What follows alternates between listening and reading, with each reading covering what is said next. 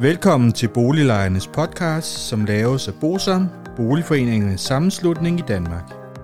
Bosam er en engageret og aktiv lejeorganisation, som har specialiseret sig i at bistå og rådgive beboerorganisationer i private udlejningsejendomme og afdelingsbestyrelser i almen boligejendomme.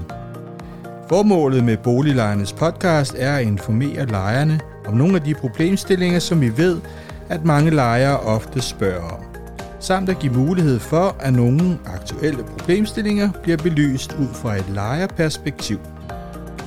Boliglejernes podcast er lavet af lejere til lejere.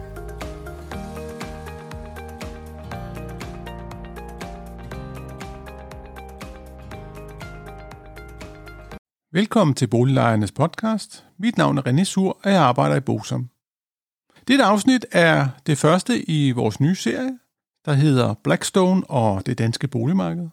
Og i dette afsnit, det kan man kalde et introafsnit, der skal vi forholde os lidt til Blackstone nu har været fem år i Danmark her til sommer, og noget om kapitalfonde, hvad er de for en størrelse, og hvorfor de er i Danmark. Men lad os springe ud i det.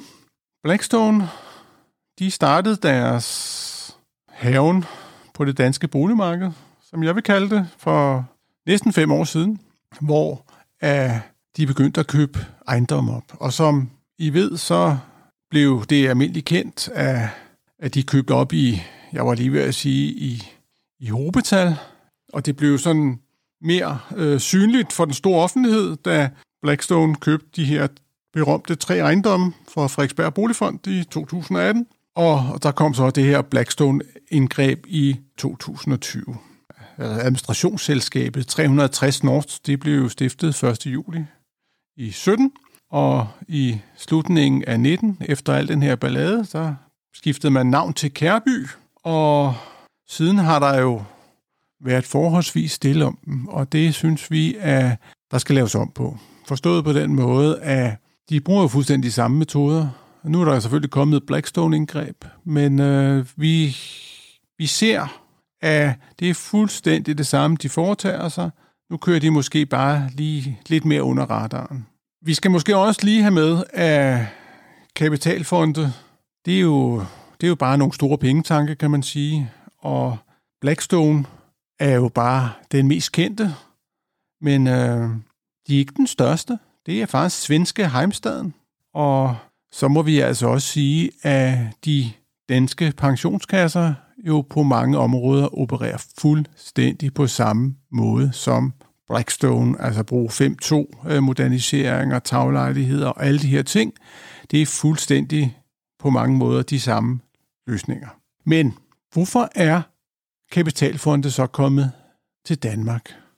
Jamen, der er selvfølgelig hele det her med, at Danmark er et stabilt samfund, og det betyder, at Samfundet er meget reguleret, det er meget stabilt. Det vil sige, i sådan et samfund eller verdenssamfund, hvor renten er meget lav, så er man sikker på et stabilt afkast. Man er sikker på, hvis man investerer i Danmark, så er man sikker på, på at få sine penge tilbage.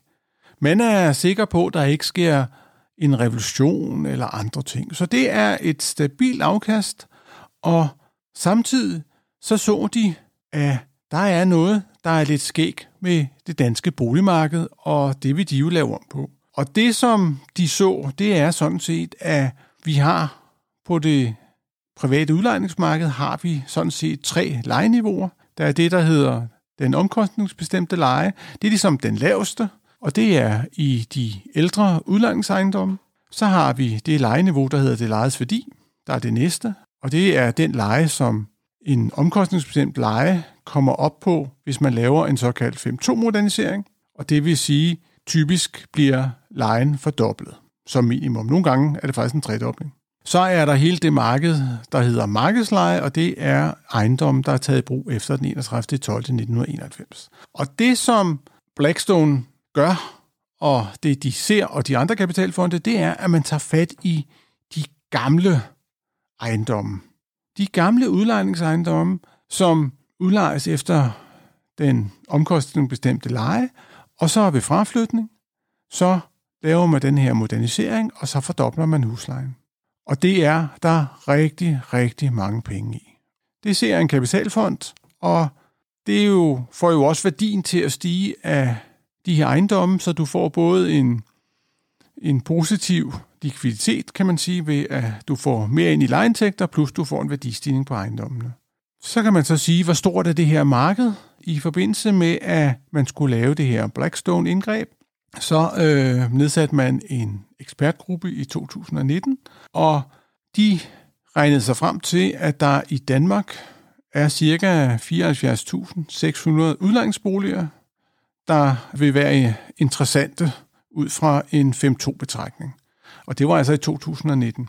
Derudover kunne de også regne sig frem til, at 60 procent af boligerne, det vil sige ca. 45.000 af boligerne, de var beliggende i de store bykommuner, København, Frederiksberg, Odense, Aarhus og Aalborg. Det vil sige, det er altså boliger, som i dag bliver udlejet forholdsvis billigt, og som efter en, et nyt, hvor man så putter et nyt køkken og et nyt badeværelse i, jamen så fordobler man altså huslejen, og det betyder jo selvfølgelig, at der er en masse mennesker, som ikke længere har råd til at bo i de ejendomme. Så må vi også sige, så lavede man jo en Blackstone-pakke. Man lavede Blackstone-indgreb, som trådte i kraft den 1. juli 2020, og Bosom lavede en agtindsigt hos huslejenævnene i København og på Frederiksberg, fordi vi var interesserede i at se på, jamen, hvor mange boliger blev stadigvæk moderniseret efter paragraf 5 stykke 2. Det er sådan, at i det her Blackstone-indgreb, der er det nu huslejenævnet, der skal ind og vurdere hver enkelt bolig, om man kan modernisere efter 5.2. Det var jo sådan, at udlejerne sagde jo, at det stopper fuldstændig og så videre. Men vi kunne jo se af vores agtindsigt, at cirka 2,5 procent af alle de billige boliger i København og på Frederiksberg, de blev omdannet til, til 5-2-boliger. I hvert fald, man har ansøgt om det. Og man må jo nok sige, at hvis man ansøger om det, så, og har byggeplaner og så videre, og de står tomme, så er det jo nok også noget, der er sket. Og det vil sige, det er altså øh, lidt over 1000 boliger i København og Frederiksberg, der er forsvundet allerede det første år. Det er meget, meget voldsomt, det der sker. Det er også værd, eller værd at huske, at de her billige boliger, de aldrig kommer igen. Det kan nemlig ikke lade sig gøre at opføre boliger så billigt, at man kan komme ned på den husleje. Og man skal altså også huske, at nyopførte boliger, det er til markedspris. Det vil sige, det er, når man opfører nye boliger, så er det markedsprisen, der måske falder, hvis der kommer et overudbud. Det er jo ikke prisen på de billige boliger, som falder. Det er jo fuldstændig utænkeligt. Det vi ser i København, det er, at vi har omkostningsbestemte lejeboliger, som koster mellem 6 og 800 kroner per kvadratmeter. Så har vi det lejes værdi, som ligger cirka på det dobbelte, og de nyopførte, de ligger på den anden side af 2.000 kroner per kvadratmeter. Og det betyder, at det er jo fuldstændig utænkeligt, at ved at opføre flere nybyggerier, at man så vil kunne få prisen ned på de billige boliger. Det er jo først og fremmest de boliger, som udlejes efter markedslejen, som vil falde i, i leje. Det siger sig selv. Det var den lille intro, som jeg vil lave til denne her serie.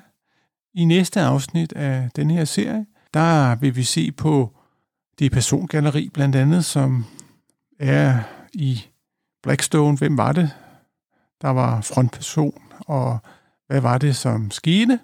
I løbet af den her serie vil vi selvfølgelig også se på nogle af de metoder, som Blackstone er kendt og berygtet for at bruge. Det har været hyggeligt. Hej hej. Hvis du synes om Boliglejernes podcast, vil vi blive rigtig glade, hvis du deler episoden med dine venner, og måske giver os en anmeldelse og nogle stjerner i iTunes, så vi derved kan komme ud til mange flere lyttere. Oplysningerne i denne podcast er udtryk for vores opfattelse af retsstillingen på nuværende tidspunkt. Men husk, at retsstillingen kan have ændret sig, når du hører denne podcast, da der kan være kommet ny lovgivning eller praksis på området. Den videre er vigtigt at være opmærksom på, at gennemgangen i denne podcast alene har været overordnet for at give et overblik og derfor ikke kan regnes for en udtømmende gennemgang af emnet.